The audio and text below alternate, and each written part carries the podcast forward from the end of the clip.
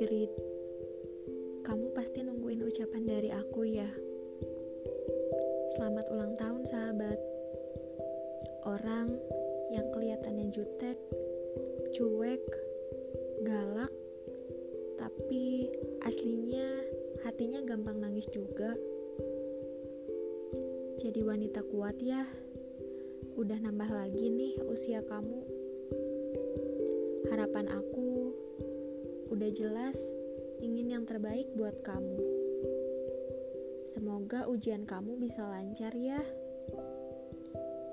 Meskipun hampir dua tahun kita nggak ketemu, tapi kita harus tetap jaga komunikasi kita. Gibah jadi topik favorit kamu kan? Terima kasih ya, udah dengerin colotehan dan juga curhatan aku. Kita satu sama lain gak punya malu, suka dark jokes, malesan, mageran.